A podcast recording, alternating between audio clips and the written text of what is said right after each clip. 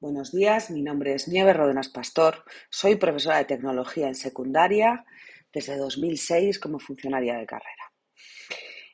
He trabajado como jefa de estudios durante cuatro años y los dos últimos estoy eh, ejerciendo como secretaria. Mi bagaje me está acercando a pincelar una idea global del funcionamiento de un centro y es por ello por lo que me gustaría culminar con el ejercicio de la dirección. Mi búsqueda no es otra que la de entender el sistema educativo en el que me encuentro inmersa. Y para ello es importante conocer la relevancia de un buen liderazgo. ¿Qué cualidades debería tener la persona que ejerza la dirección de un centro?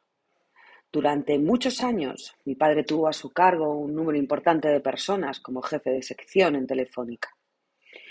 Cuando respondía a mi batería de preguntas en torno a su labor profesional, Siempre terminaba su discurso con una sentencia. Hija mía, lo difícil de llevar un equipo de personas no consiste en que hagan lo que tú les digas, sino en que lo hagan porque están convencidos de hacerlo. Partiendo de esa premisa, la cualidad que debe tener un líder por encima de cualquier otra es la de motivar al equipo y para ello, sin duda, debe trazarse una línea de actuación reinada por las siguientes características. La primera de ellas es la asertividad. La dirección del centro tiene que ser asertiva, actuando como un coach del equipo, debe siempre realizar evaluaciones sobre cómo funcionan las actuaciones a medida que se vayan realizando. Es pues un ente evaluador de lo que sí funciona y también de lo que no funciona. Para ello, debe tener definidos unos planes de actuación recogidos en la PGA y escalados en nivel de importancia y también en niveles de consecución. Es aquí donde entran en juego otras características que debe tener la dirección del centro. La primera es la confianza en su equipo. La elaboración de la PGA y el establecimiento de los niveles de importancia es algo que debe hacerse por consulta a los equipos cooperativos.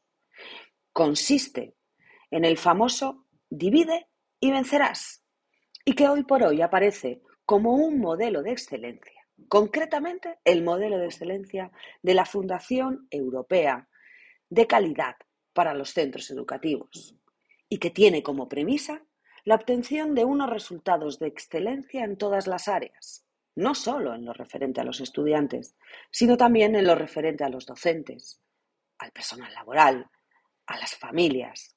En definitiva, a todas las partes implicadas en el proceso educativo e incluso también a otras partes interesadas. Está claro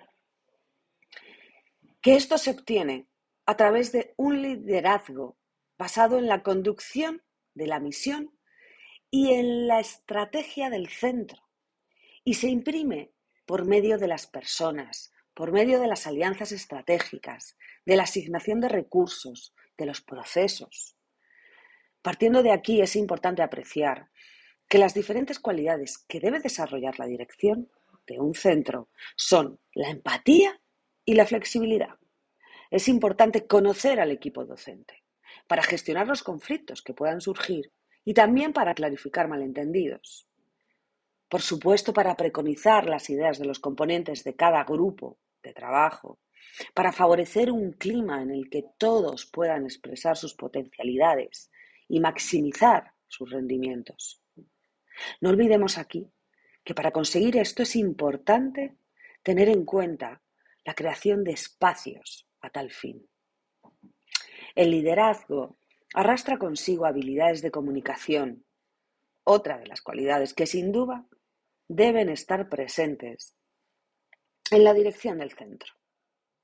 Pero para ello hay que tener claras las líneas estratégicas definir bien la misión, el PEC, el proyecto educativo de centro, completo y contextualizado a la situación del centro, a la situación de los alumnos, a los docentes, a las familias, al personal no docente. Y siempre sin olvidar que esa situación se presenta en un entorno cambiante. Aquí es donde entran en juego esas habilidades que decía de comunicación, pues dirección debe hacer llegar ese PEC a todos y recibir sus aportaciones con flexibilidad y apertura. Termino así diciendo que la dirección tiene como objetivo motivar a la comunidad educativa en todos sus estratos hacia una misión clara y que no es otra que el proyecto educativo del centro. Que para ello es necesario tener claro el equipo humano del que se dispone y definir una línea estratégica que, en mi opinión, no debería ser otra que la de divide y vencerás. Que partiendo de esas líneas cooperativas se deben desarrollar planes de actuación innovadores y motivadores. Que todo esto se contemple en la PGA y que en el seno de un clima interpersonal motivador, la evaluación permanente que debe hacer la figura del líder del centro sea entendida, en verdad, como una retroalimentación que impulse a la mejora del proceso.